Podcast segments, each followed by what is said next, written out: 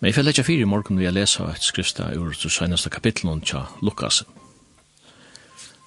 Og her leser vi i vers 6 og 4.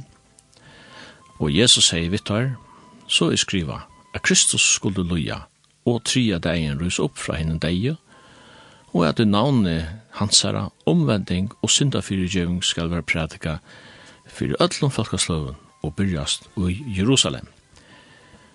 Tid er vittni om hetta. Jeg husker om at her, at jeg vil sagt, at frelseren sier selv i læreren at i navnet Kristus her, altså i navnet hans her, skal omvendning og syndafyrgjeng være prædikant. Så jeg husker at hula jeg lydsyndromet her i morgen, som har vi navnet jeg gjør. Og tar vi to som navnet, ja, så er det bare et navn. Det er et navn som er i øtlån, ørenavnen, det er som god sendt til frelse. Det navnet er hever kraft, og det ligger en myndelage, det ligger et mandat ut i, og vi som trykva av hetta navn, og har tillagt hetta navn i trykv, ja, vi har også finnes mandat til å bruka hetta navn. Derfor er at kom vende atter til når man er løte, men først skal vi høre Oslo Gospel Choir, vi du kjenta sangen Navnet Jesus blekner aldri. Navnet Jesus blekner aldri.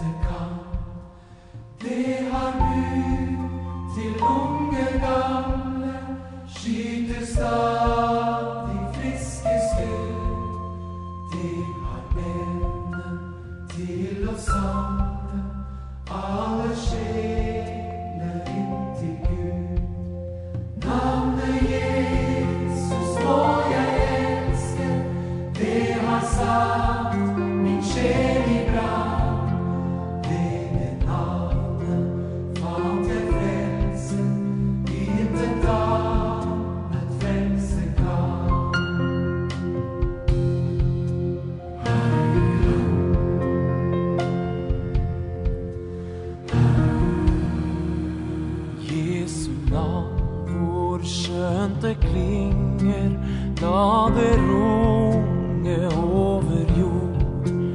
Intet annet verden bringer Håp og trøst som dette ord. For denne må hate vike For denne må ondskap fly. Ved denne skal rettferdsrike skyte friske skudd på ny. Navnet Jesus må jeg elske, Det har satt min sjel i brann Ved det navnet fant jeg frelse Intet annet.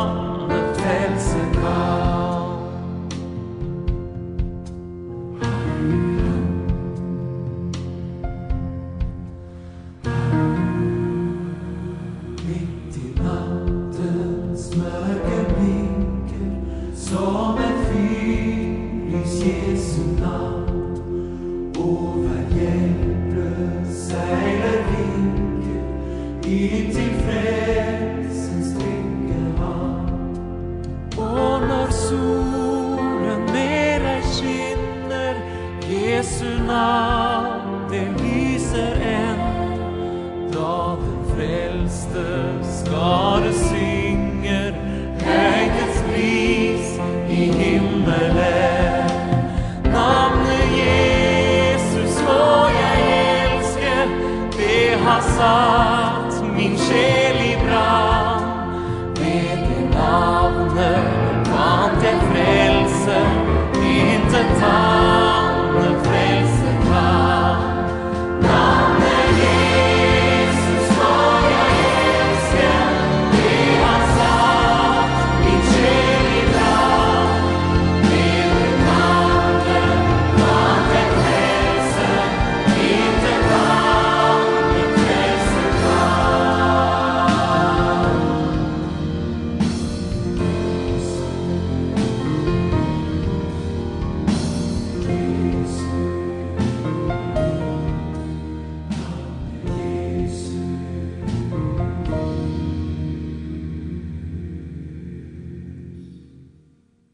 så er vi datter av lintene vi sender sendingen av bildet langt.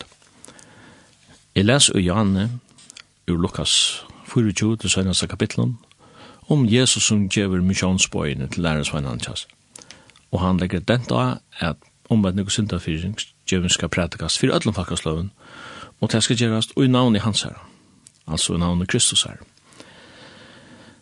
Det er evangelister som har skriva, Nodja Testamentet, Matteus, han er i sunne søsta kapitlet, æsne enn misjonsbå, han, han sier det såleis, at Jesus sier, mer er givet alt vald og i himmelig og avgjør, ferdig ut, og prædik og gjør alt folkastløy til læresvøgnar.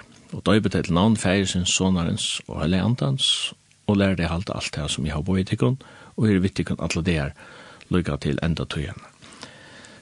Vi sutja æsni her, at mandat, ein myndeleidje, som Kristus hever, og som han frimøya djeve vi er til sinne lærersvagnar og bidra fra ut, og man kan si at alle heimeren er der og søkna kall, gjør så vel, færre ut og prædde til evangeliet, og er vittigen alle der.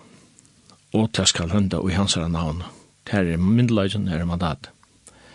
Og det er så godt å vite en, en, det som er det, Da vi vakna opp til nødjan det, vi nødjan nøye, Og så vidar vi til at navnet og kraften i navnet i galdan i øysen det til alle avbjørngar som mennesker har Så er god ryker og nøy nok, og han er ryker til alle som kallar han. Vi vet at her at, at um, god i bostad og han er akkurat bostad og her nere som Øre sier, er i henne av i armar. Så, så det som det er nere, men så det vi styrkjen nøysen vera. Og at det leser så det at det sier, er du er en person som kanskje opplever noe motgångt, ja, men så først du kanskje øyne at oppleve det, som året sier, at som det er, skal styrke du være, altså, så skal du øyne få mer styrke.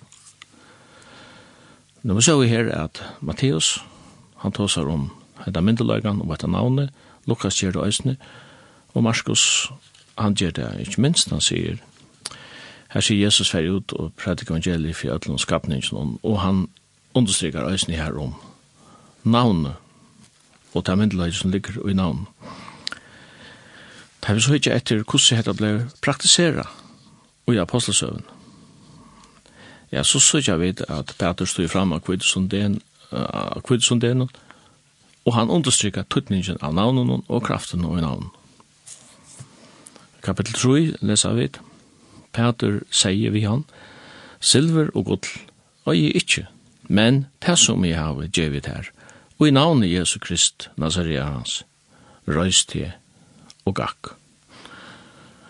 Nega søttene så var Peter tusen for høyre, for det er velgjør som han har gjørst, og eh, han sier så, vi tar som av her han,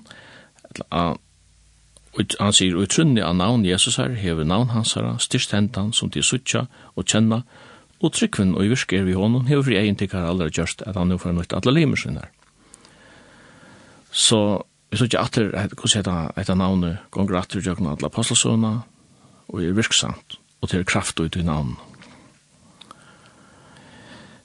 Sånn leser vi i kapittel 4 apostelsona at uh, apostlene vil attertikne til forhøyre myndelagen. Og her stender at tar lov til tar løya fram og spurte tar. Vi kvar kraft Ætla, vi kvar er navn vi har til just hetta. Ta seg Peter vi tar, filtra av heilig andan, til draharar og eldste faksons. Vi tar vi til dævra tykner til avhøringar for velkjir mot sjukken manni om hver, vi kvarjon han er grøtte vi, så skulle tid atler og alt folk utsels vita at vi navnet Jesu Kristi Nazarean som til krossfeste, men som god vakte opp fra henne deg. Vi hånden er til at hesen stendur fruskur for ein tykkara. Han er steineren i vrega av er artikken som bygde, men er nå våren hatt steiner. Og så kommer vi til verstall, og hette det som vi så fein vil understryke her i morgen. Peter skriver, og frelsa er ikke nøgren øren, heller ikke er neka annan navn under himmelig given mittel mennesker som vi skulle være frelst vi. Frelsa er ikke nøgren øren, og til anki annan navn under himmelig givet vi alle mennesker som vi kunne være frelst vi. Så hette det ene som vi hava, men jeg vil legge den denta hette er nok, hette er mer nok til okkon. Navnet er virksam òsne i det. Vi får ha høyra sannsyn Uh, et hans navn, det er sanger som Rein Godsen synger. Gav som er bestætt hans navn elska og taka tatt i faun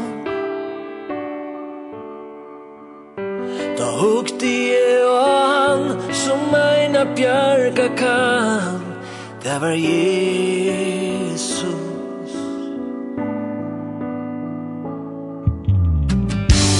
Gavst du mer bestart hans ord At tala så vildi Jesu kår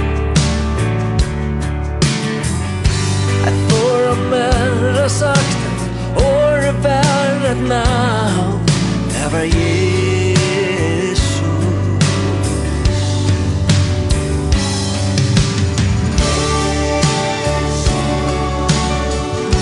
Her beaten cross of